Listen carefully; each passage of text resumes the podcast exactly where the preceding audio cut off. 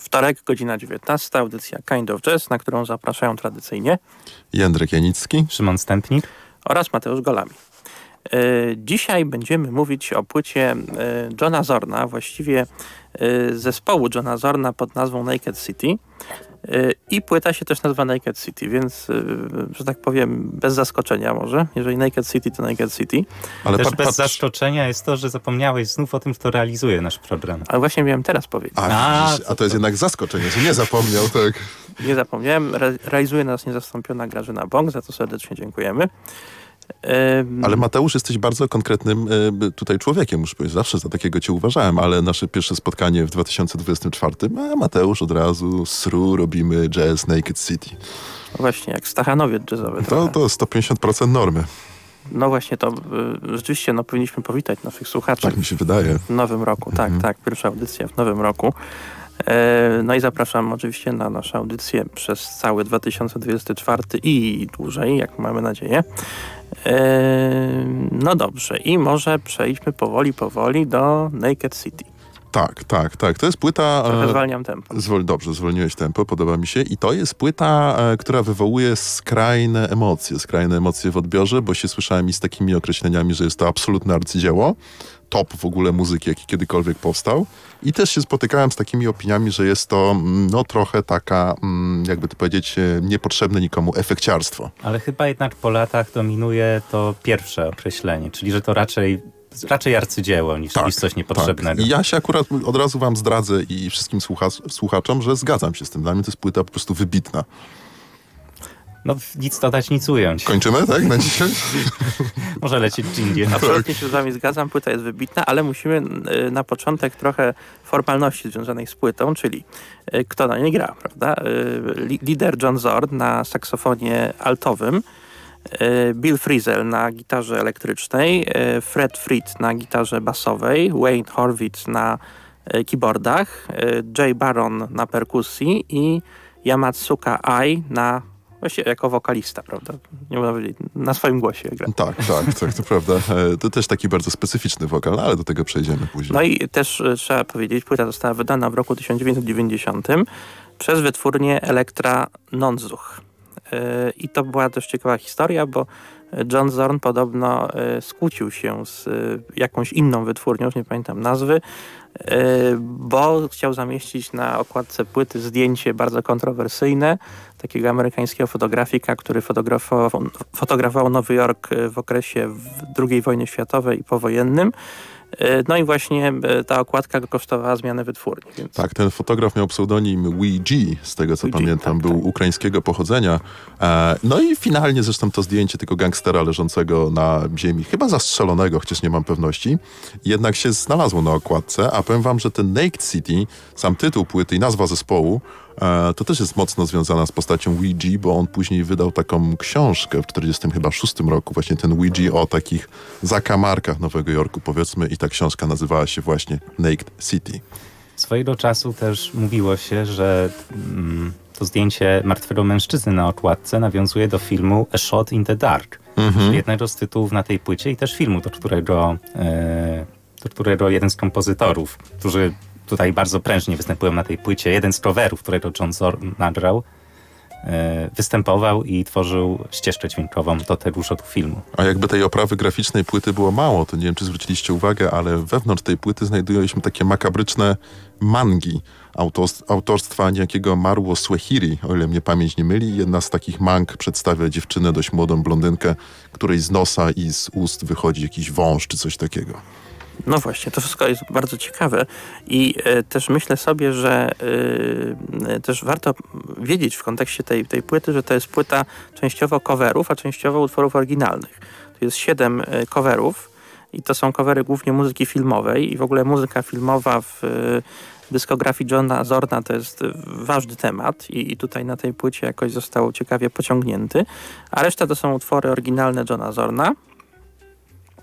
No tak, i może zagrajmy pierwszy utwór z tej płyty. Tak, i to będzie p, autorska kompozycja e, lidera zespołu bodajże, chociaż chyba też mocno z kolektywnej improwizacji wyrastająca.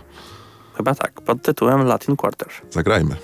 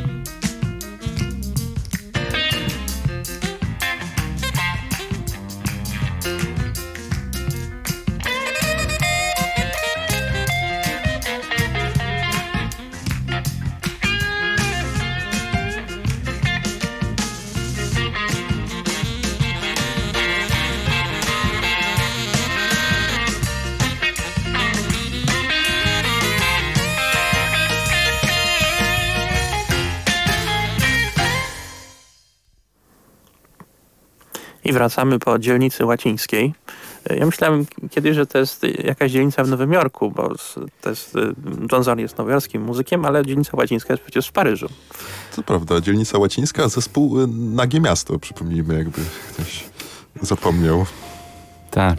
Czy to jako żenujący żart prowadzącego y, Znaczy słyszałem twoje, twoje, twoje bardziej żenujące tak? żarty, mówiąc szczerze. Chyba, ale od trzech dni już nie, Szymon, naprawdę to było takie postanowienie noworoczne. A, no to nie udaje ci się, tyle ci mogę powiedzieć. Dziękuję ci bardzo. A z propos skojarzeń, jak pierwszy raz widziałem tytuł tego utworu, to ja miałem z kolei skojarzenia z muzyką latynoską. Nie do końca powiedzmy Latino Quarter, że dzielnica gdzieś tam latynoamerykańska w Nowym Jorku, ale wiecie, latino, samba, gdzieś, gdzieś może takie rejony. No i trochę to pobrzmiewa w tym utworze, który zresztą jest chyba kompozycją taką, bym powiedział, y, najnormalniejszą na tej płycie, taką singlową na dobrą sprawę. Da się jej słuchać normalnie.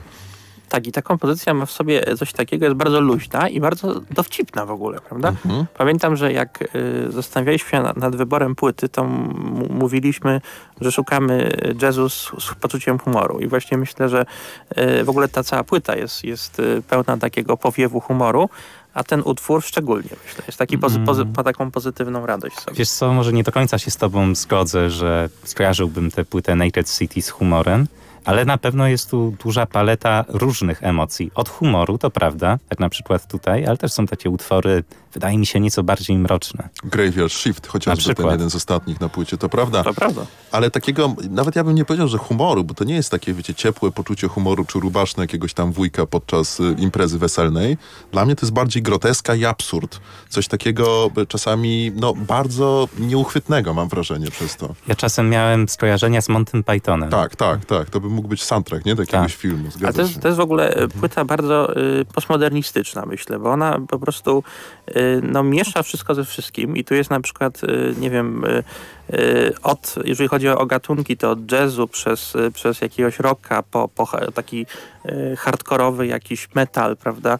Więc, punk, punk, hardkorowy punk, punk tak. Punk, mhm. więc, więc bardzo duża rozpiętość gatunkowa, jest rozpiętość inspiracyjna, bo te inspiracje też skądinąd jest, jest właśnie, nie wiem, muzyka jakby z kreskówek, muzyka taka właśnie soundtrackowa, kompozycje czysto na, na, na użytek tej płyty, więc myślę, że ona się też dobrze wpisuje w, w ten taki rozkwit kultury postmodernistycznej, który gdzieś tam i filozofii postmodernistycznej, który gdzieś tam w tym okresie miał miejsce, prawda? Na przykład książka słynna Uwikłani w płeć Judith Butler to jest ten sam rok, prawda? Więc może coś jest na rzeczy.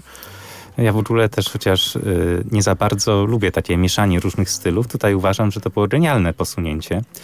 W ogóle też czytałem taką wypowiedź Johna Zorna o tej płycie, co chciał osiągnąć nagrywając Naked City i powiedział, że chciał zobaczyć, jak daleko może posunąć się kapela rockowa w improwizacjach. Rockowa? Tak. O, to ciekawe, e, co mówisz, bo tu tego jazzu wbrew pozorom jednak sporo pobrzmiewa. Tutaj mówisz, że wychodzi od takiego trzonu rockowego. Trochę mam wrażenie, podobnie jak polski zespół Niechęć który zawsze określa, określają samych siebie jako zespół rockowy, który no raz na jakiś czas na, na wiesz, te jazzowe e, rejony wkracza, to może podobny sposób myślenia trochę, chociaż ta niechęć jest jednak cięższa gatunkowo. Ale ja myślę, że jakby z polskimi zespołami porównywać Naked City, to mi się kojarzy z zespołem Miłość Tymana Dymańskiego. Też, mhm. tak, tak. Że to jest właśnie mhm. taka muzyka e, jakby e, też pewnego uwolnienia społecznego, politycznego, bo musimy pamiętać, że to jest rok 90, czyli po upadku muru berlińskiego, mhm. prawda, po mhm. rozluźnieniu żelaznej kurtyny i w związku z z tym e, taka muzyka pełna wolności, świeżości i takiej właśnie e, energii, dziwnej, ale bardzo ciekawej, e, trochę szaleńczej nawet. Tak, prawda? zdecydowanie. To myślę, że zespół Miłość i zespół, polski zespół Miłość i zespół Naked City coś, coś w, w, tym, w ten deseń łączy. No zgoda, ale tutaj zauważcie, że każdy utwór jest jednak w jakichś ramach że na przykład tutaj gramy taką muzykę trochę latynoamerykańską, tutaj gramy trochę mroczniejszą, tutaj robimy kompletne free jazzowe szaleństwa, tutaj z kolei jakby przerabiamy na swoją modłę utwór muzyki filmowej. Okej, okay, to szaleństwo jest, ale zawsze jest w jakichś takich pewnych ramach gatunkowych. Tak, tak, tak, tak. I zwróćcie uwagę, że nawet takie bardzo tutaj na tej płycie popularne, takie noizowe jakby przerywniki, one absolutnie nie dominują. To jest kilkanaście sekund jakiegoś tam wrzasku czy czegoś i wracamy do struktury i z powrotem gramy. To jest bardzo spójna płyta. Tak, ale, ale na przykład ten saksofon Zorna, on jest taki traszowy mocno i myślę, że on yy, wyraźnie jakby próbuje przełamać te struktury, które gdzieś reszta zespołu może bardziej wchodzi, bo on po prostu yy, tak jakby na odlew, prawda? Często gra na tym saksofonie takie bardzo ostre, noizowe fragmenty i myślę, że on jakby też najbardziej rozsadza te struktury. Tak, to prawda. No i jeszcze wokal. Yamatsuka, Yamatsuka Ai też, też, też zdecydowanie rozsadza. Z tym saksofonem to jest ciekawe, co mówisz, bo b, b, pamiętam, jak kiedyś rozmawiałem rozmawiałem z Aleksem Klowem zresztą, który być może nas słucha. więc wypadało panowie pozdrowić Aleksa. Pozdrawiamy, Aleks. Pozdrawiamy cię, Aleksie. A tak poważnie mówiąc, on mówił, że bardzo ciężko jest zagrać na saksofonie, mm, nie popadając w jakieś frazowanie jazzowe. Mhm. On bardzo się stara właśnie to robić, ale ten saksofon jednak automatycznie kojarzymy, nie? Z tym jazzem. A Zorn e, wydaje się tutaj być najmniej jazzowym instrumentalistą na całej płycie. To jest zdumiewające dla mnie. No, jeszcze gitara tutaj zaskakująco Frizzle gra mało jazzowo. Odkąd, odkąd go znam, to tutaj mało też jest te, tego jazzu w gitarze. No to, to, to fakt. No, to jest chyba jedyna okazja, że możecie usłyszeć, jak Frizzle gra hard rockowe riff, riffy albo jakieś surf-rockowe rzeczy. Czyli naprawdę zdumiewające. Tutaj rzecz. nie jestem do końca przekonany, czy grał na Stratocasterze, czy Telecasterze, ale, ale na pewno grał na tej przystawce mostkowej, co się no. rzadko w jazzie zdarza. To, to, taka płyta się w ogóle rzadko w jazzie zdarza. To co panowie, co posłuchamy teraz? To zaplanowaliśmy Lonely Woman jako drugi utwór, czyli słynny standard Orteta Colemana i tutaj w, w takim mocno rockowym, rockowym A też, też ciekawa, ciekawa rzecz, bo Ornette Coleman y, brzydził się pisaniem standardów, a jednak to Lonely Woman zyskało taki, taki status właśnie. Chcąc, chcąc, nie chcąc. Chcąc, nie chcąc, tak. Raczej nie chcąc chyba w wypadku Colemana. Najlepsze dzieła powstają przez przypadek. Przez przypadek i mimo woli.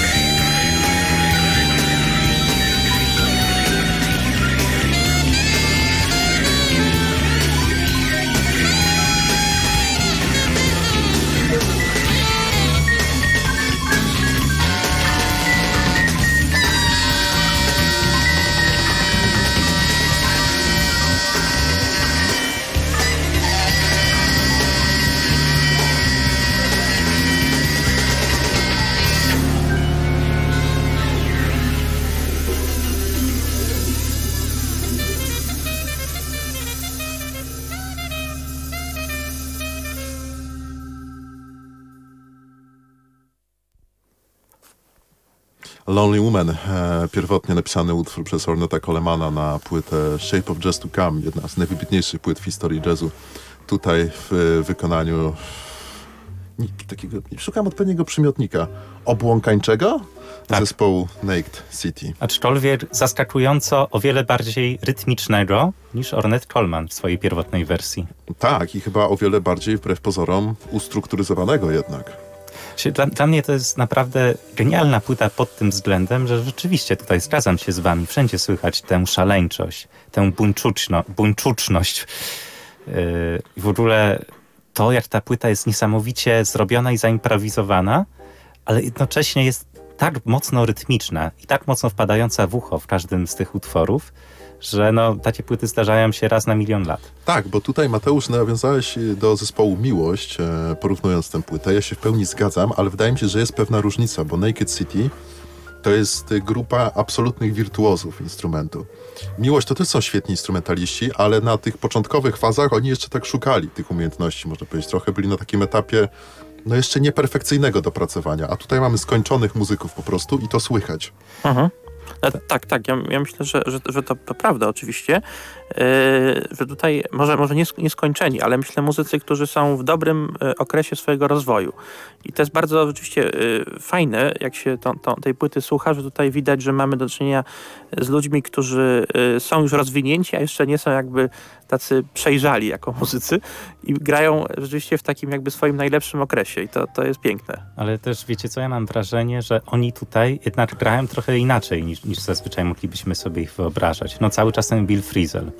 On no. tutaj, tak jak tutaj słusznie zauważyłeś Jędrek, on mało, mało jazzuje, a bardziej gra rockowo. To jest takie jego wydanie, gdzie no, rzadko się spotyka z takim Billem Frizelem, który no tak, niewiele ale, tych ale Szymon, musisz, musisz pamiętać, że w tym okresie mniej więcej czyli okolice początku lat 90., to jest zupełnie inny Frizel niż my go pamiętamy dzisiaj.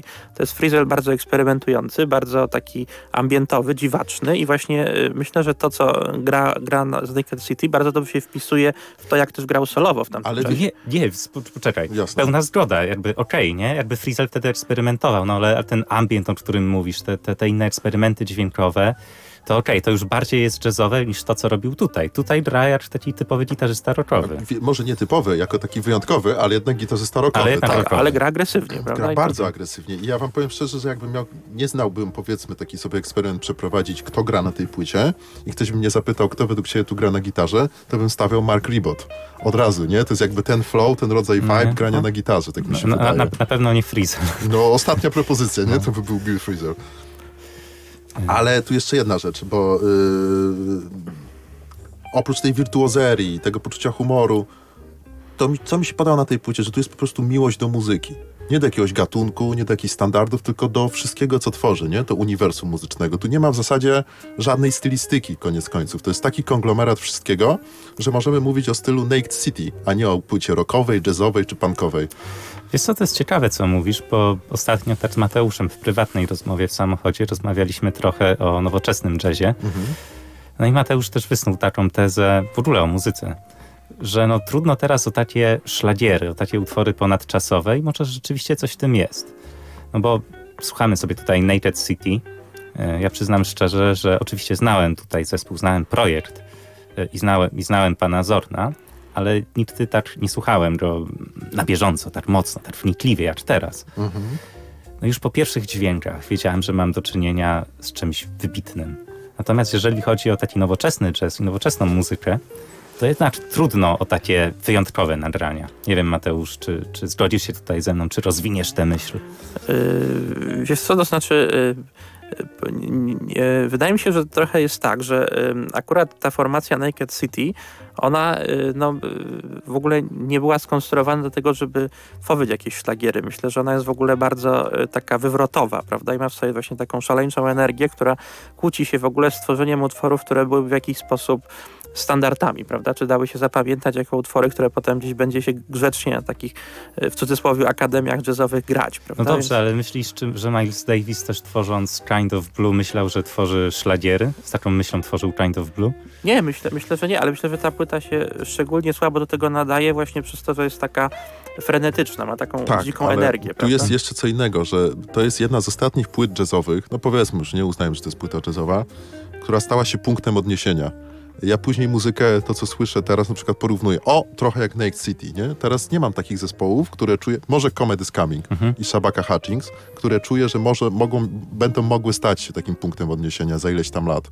Ale jeszcze, jeszcze myślę, y, ważna rzecz, bo jak, jak mówimy o tym humorze, to y, tutaj Szymon mówił, że ci nie za bardzo pasowało to określenie, że to jest płyta pełna poczucia humoru. I może mm, bym się z tobą zgodził, że ona może nie jest pełna poczucia humoru, ale jest pełna zabawy. Ja myślę, że zabawa to jest lepsze słowo na określenie tej muzyki, bo ona y, ma w sobie coś takiego, jakby takie genialne dzieciaki jazzowe, prawda, w cudzysłowie dzieciaki, zebrały się i zaczęli po prostu z, z tego, co znają, co wysłuchali, co przetworzyli w swojej głowie, tworzyć jakieś e, nowe, nowe rzeczy, które właśnie są taką postmodernistyczną zabawą z tym wszystkim, z czego oni się wywodzą, prawda? No i przykładem tej zabawy są chyba takie krótkie utwory na płycie od miejsca 10 do 17. Takie, tak, takie hardkorowe miniaturki, na których fantastycznie, absolutnie sprawdza się wokalista, japoński wokalista Yamatsuka Ai. Może spróbujemy ich posłuchać. Tak, ale to będzie trudne przeżycie, od razu ostrzegamy Państwa. Proszę nie wyłączać radioodbiorników. Jak jazda y, tun przez tunel strachów trochę. Mniej więcej tak, czyli utwory od 10 do 17 z płyty Naked City. Łącznie to zajmie z dwie minuty, może z dwie i pół minuty. Będzie ostro.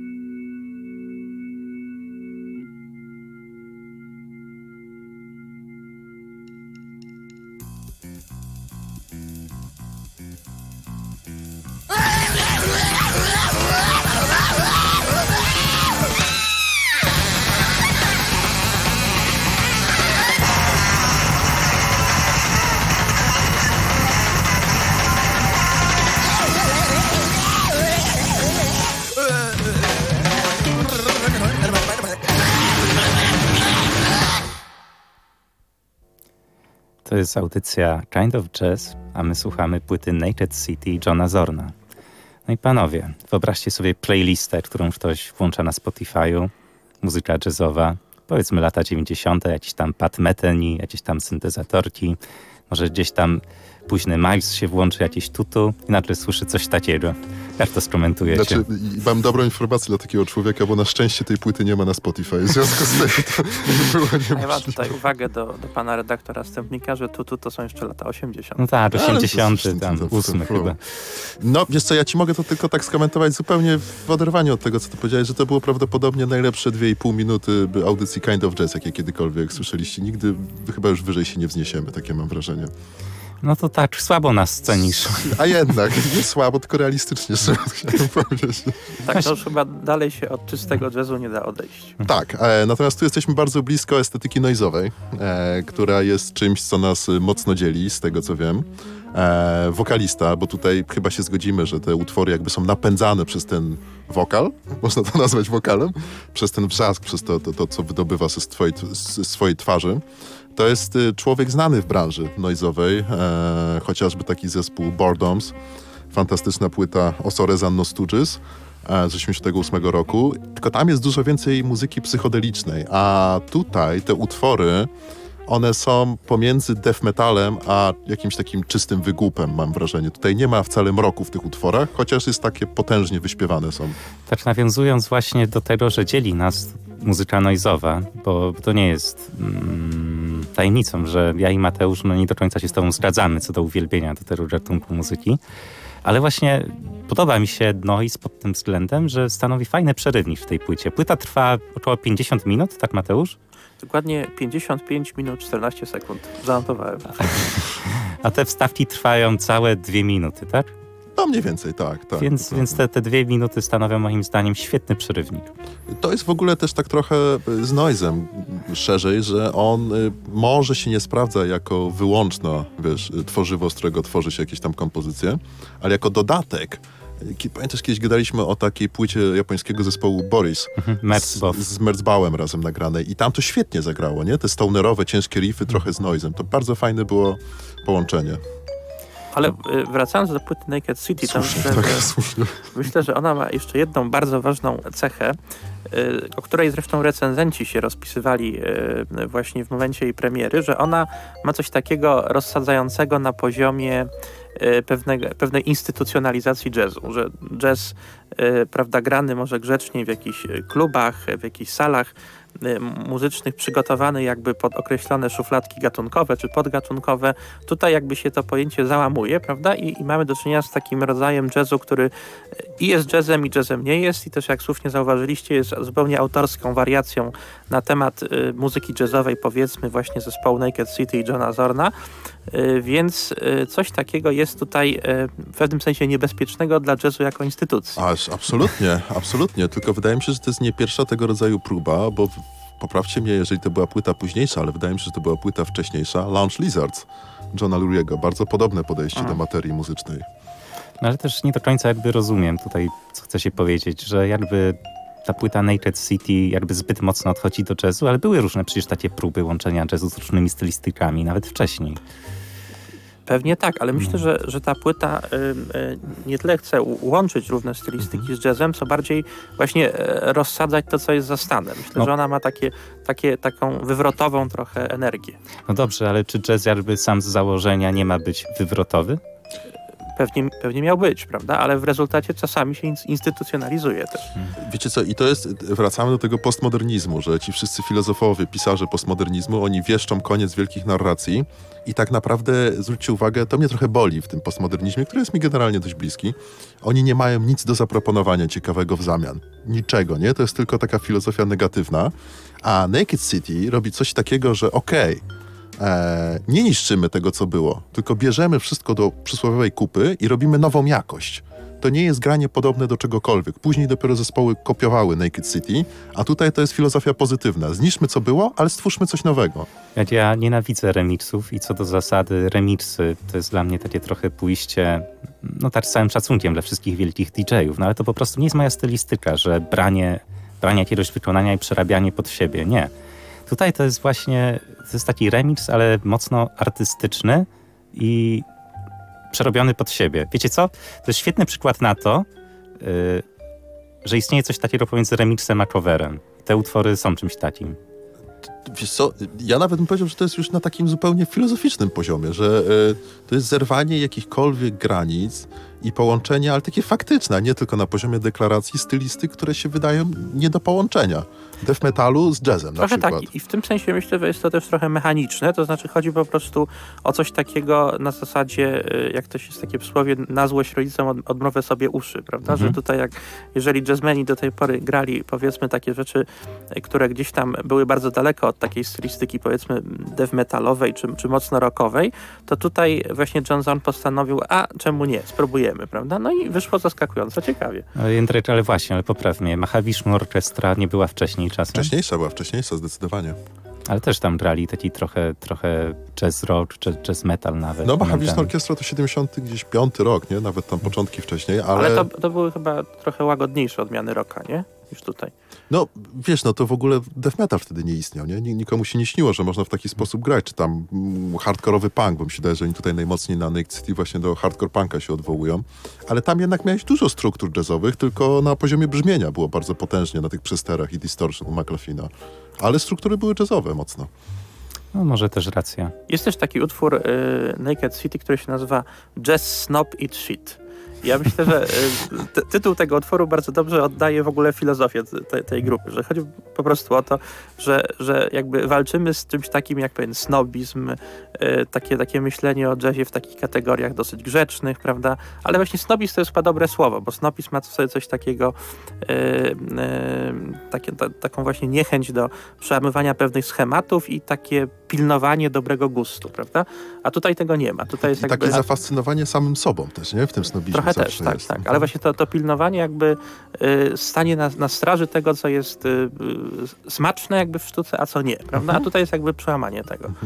Aczkolwiek, jak tutaj nawet słyszeliśmy na samym początku, w utworze Latin Quarter też czasem zdarzają się takie normalniejsze, przybym jazzowe nawet struktury. Takie swingowanie wręcz. Wręcz tak. Ale wiecie co, to pewnie skończymy ten wątek po następnym utworze, ale rzucę wam tylko taką zanętę. E, bo to płyta, ta płyta chyba pokazuje, że jazz jest pięknym gatunkiem, ale jest takim gatunkiem muzycznym jak każdy inny. Że jazz nie jest czymś uświęconym, nie jest e, by, jakby automatycznie wartościującym pozytywnie. Jeden gra jazz, drugi gra rocka, trzeci gra metal i wszędzie te dźwięki mogą być wciągające. I tutaj nie ma żadnej różnicy, że u, do jazzmenów to nie podchodzimy, czy do jazzu to nie podchodzimy bez przygotowania jakiegoś na przykład. No, mało jest to konserwatywna płyta, aczkolwiek ten utwór, który teraz zagramy, czyli Chinatown, no ostatecznie wydaje mi się, że można wpisać w te konwencje nieco bardziej e, tradycyjnych. No właśnie, przekonajmy To się. jest bardzo fajny utwór, bo jest rzeczywiście dosyć spokojny jak na tą płytę. Chinatown.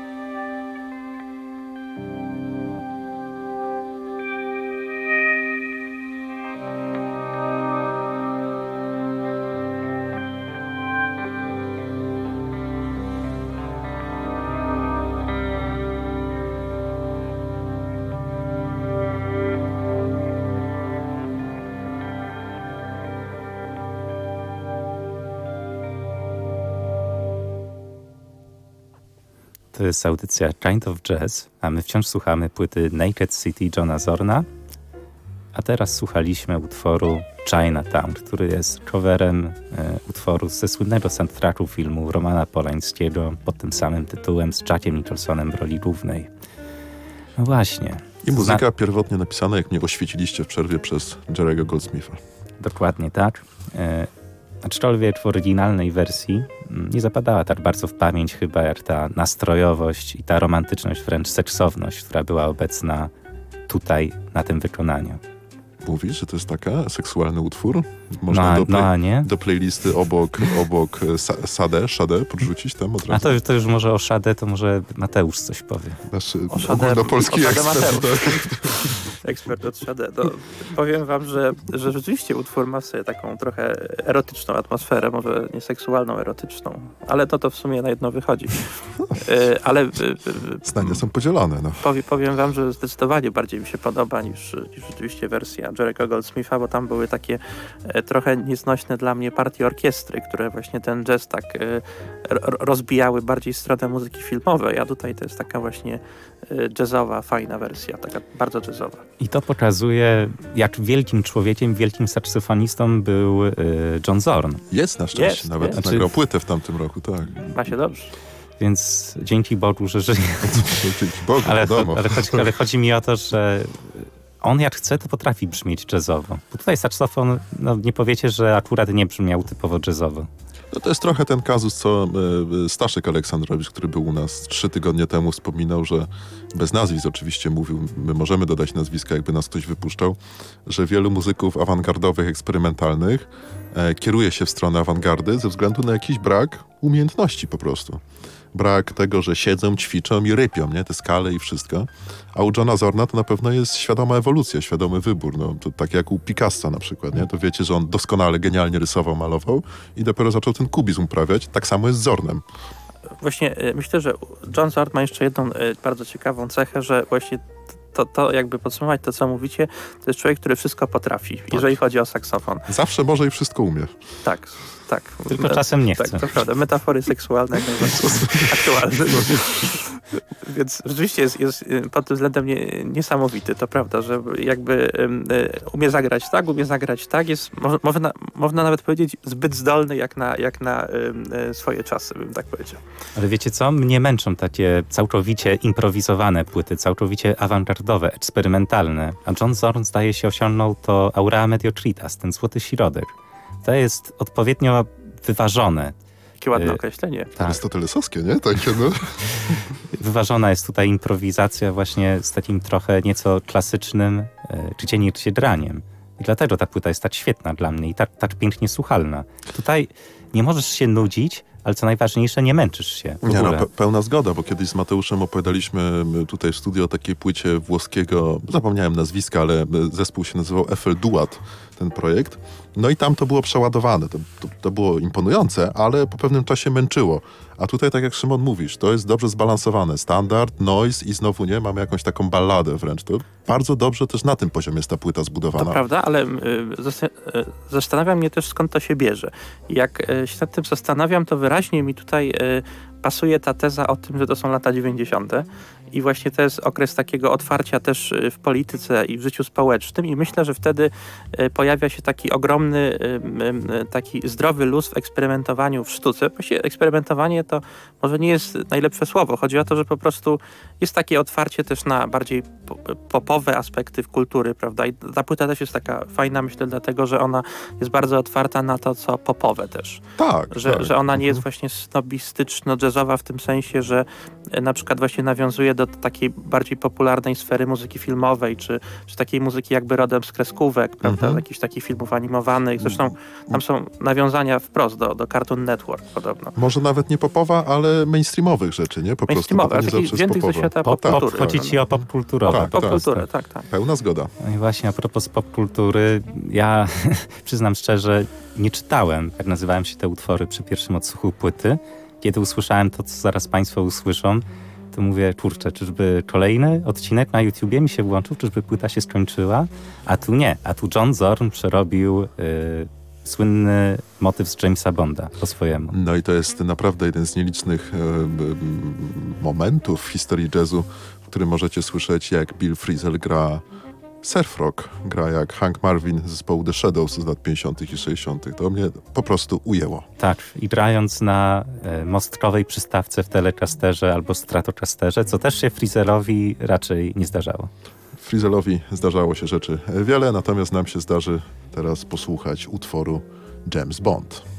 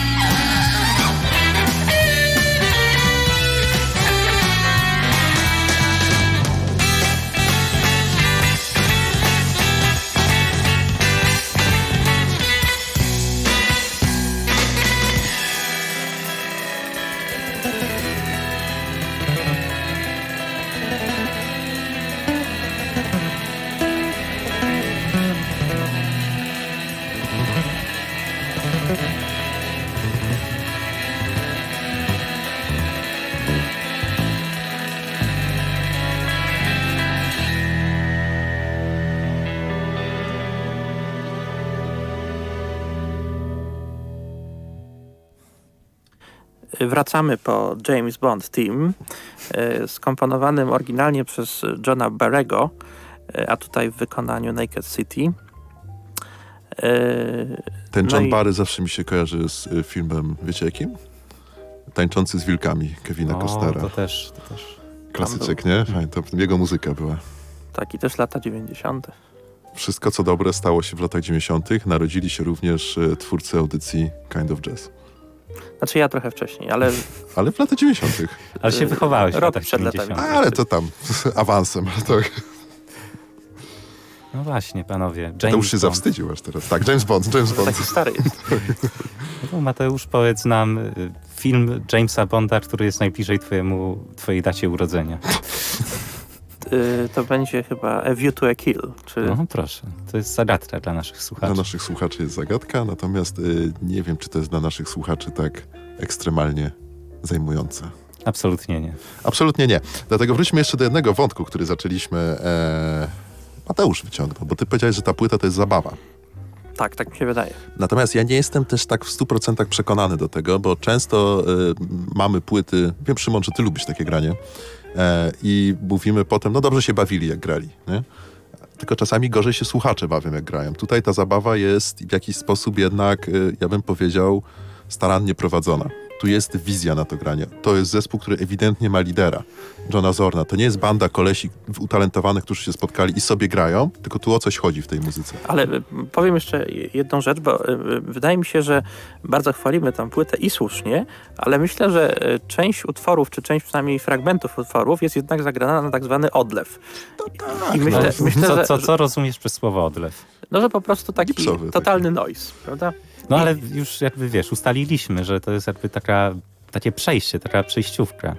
To I, dla, i dla, dlatego tej płyty się fajnie słucha, ponieważ są takie te, te wstawki, te wiesz, te przerwy. To, to, to wszystko prawda, ale yy, yy, no tak, no, jeżeli byśmy tą płytę potraktowali jako płytę takich przejść, prawda, pomiędzy tym noizem a bardziej subtelnymi fragmentami, to owszem, ale czasami y, trochę mi się y, nudziły te fragmenty, kiedy John Zorn wyje i wyje, prawda, i tam już któryś utwór wyje i wyje.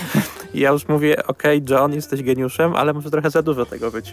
Ja to lubię akurat na tej płycie, bo to mi pasuje w całą tą koncepcję. Mi się wydaje, że to jest trochę mhm. taka konwencja po prostu tej płyty. Też uważam trochę jak Jędrek, bo, bo tak słuchając jej holistycznie, holistycznie nie ujmując, to rzeczywiście jakby te utwory noizowe nie są tak fajne jak te inne, które tutaj słuchaliśmy. Okej, okay, ale w tym konkretnym fragmencie płyty brzmią idealnie dla mnie. Znaczy, no wiesz, no ja też nie lubię noizu, ale bardziej chodziło mi o to, że tak jakby holistycznie słuchając tej płyty, y, to jakby pasują ok, że, że możesz się wyciszyć, możesz jakby zmienić nastawienie, zmienić myślenie, Okej, okay, dobra, teraz rozumiem, co chciałeś powiedzieć. Tak, zgadzam się z tobą w 100%. O, to jest ciekawe. Mamy tutaj skakujący moment w Kind of Jazz. Tak. Nagła zmiana zdania redaktora Stempnika. Wiecie, bo ja ostatnio tak mam, że jak zaczynam się wypowiadać, to po prostu czasem coś mówię, żeby, żeby się kłócić z kimś, ale potem myślę, tak, on ma rację. Ale na przykład, jak jesteś na sali sądowej, bo tu zdradzimy, że Szymon często bywa, zaczynasz coś mówić, przełam, Wysoki Sądzie, ma sąd rację jednak. Nie, tak, tak się na szczęście nie zdarza. Tak się nie zdarza, to dobrze. Najwyżej mówiłem, to niech sąd sam zrobi, co uważa jest taki mądry, tak. jak z policjantami się kłócisz, bo jakiś tam stłuczka czy coś. Mia miałem, wiesz co, kiedyś takiego klienta, który yy, kłócił się z policjantem i odwoływał się od jego decyzji, dlatego że nie miał czapki ten policjant. I twierdził, że wszystkie czynności policjanta są w ten sposób yy, Nieważne. Nieistniejące. Nieistniejące. No, ciekawe zjawisko, ciekawe, ciekawe. I tutaj, tutaj jest pewna obawa, że, że możemy wpaść w to, co Jędrzej mówił, czyli możemy bawić się lepiej niż nasi słuchacze. Tak, to prawda. tak, zatem jeszcze jeden wątek, y, bo John Zorn też często mówił o swoim komponowaniu jako o takim składaniu pewnych puzli. Pewnych puzli, którymi są y, tabula rasa. Że najpierw kładzie te puzzle, takie jakby formy, y, które jeszcze nie mają żadnej treści, i na te formy nakłada dopiero takie improwizowane momenty, improwizowane riffy. Wydaje mi się, że tutaj właśnie bardzo dobrze słychać to, o czym John Zorn często mówił w tych wywiadach. Ale czekaj, to chodzi o to, że on sobie wymyśla, że najpierw jest gitara, a potem tak. saksofon. Tak, tak najpierw wymyśla strukturę, a, a potem, potem improwizuje. Zupełnie. Bardzo ciekawe. E, Kuba Więcek ma podobny sposób e, komponowania. E, ale to takie zintelektualizowane mocno. Mhm, więc to nie, to nie jest takie, cały czas ja tutaj wracam do tego, że okej, okay, słychać to szaleństwo, ale to jest takie, tak jak mówisz, intelektualizowane mhm. szaleństwo. Uporządkowane szaleństwo, mhm. tak, tak. I rzeczywiście John Zorn, ja myślę, że on też y, y, ma w sobie coś z, z, takiego typowego nowojorskiego Żyda, trochę jak Woody Allen, czyli, czyli jest takim artystą też trochę intelektualistą i to, to myślę, że Szymon bardzo fajnie zauważył, że rzeczywiście to jest, to jest człowiek, który ma też w sobie dużo z takiego in, muzycznego intelektualisty, ale dobrym tego słowa znaczeniu. I tym optymistycznym akcentem, jak się wydaje, będziemy musieli e, żegnać się dzisiaj z wami, nasi drodzy słuchacze. Mówili do was Szymon Stępnik, Mateusz Golami i Jędrek Janicki. Realizowała nas jedyna i niezastąpiona Grażyna Bąk. A co zagramy na dobranoc, na do widzenia, żeby nie było smutno naszym słuchaczom? Na dobranoc zagramy utwór Batman, który o dziwo nie jest związany z tym słynnym człowiekiem nietoperzem oraz sycylijski klan, który jest coverem utworu Ennio Morricone. Tak, do filmu zresztą e, klan Sycylijczyków. klan. Sycylijczyków chyba, ale wiadomo o co chodzi. Sicilian Clan. Bardzo serdecznie dziękujemy i za tydzień również będzie filmowo. To była audycja Kind of Jazz. Do usłyszenia. Dziękujemy.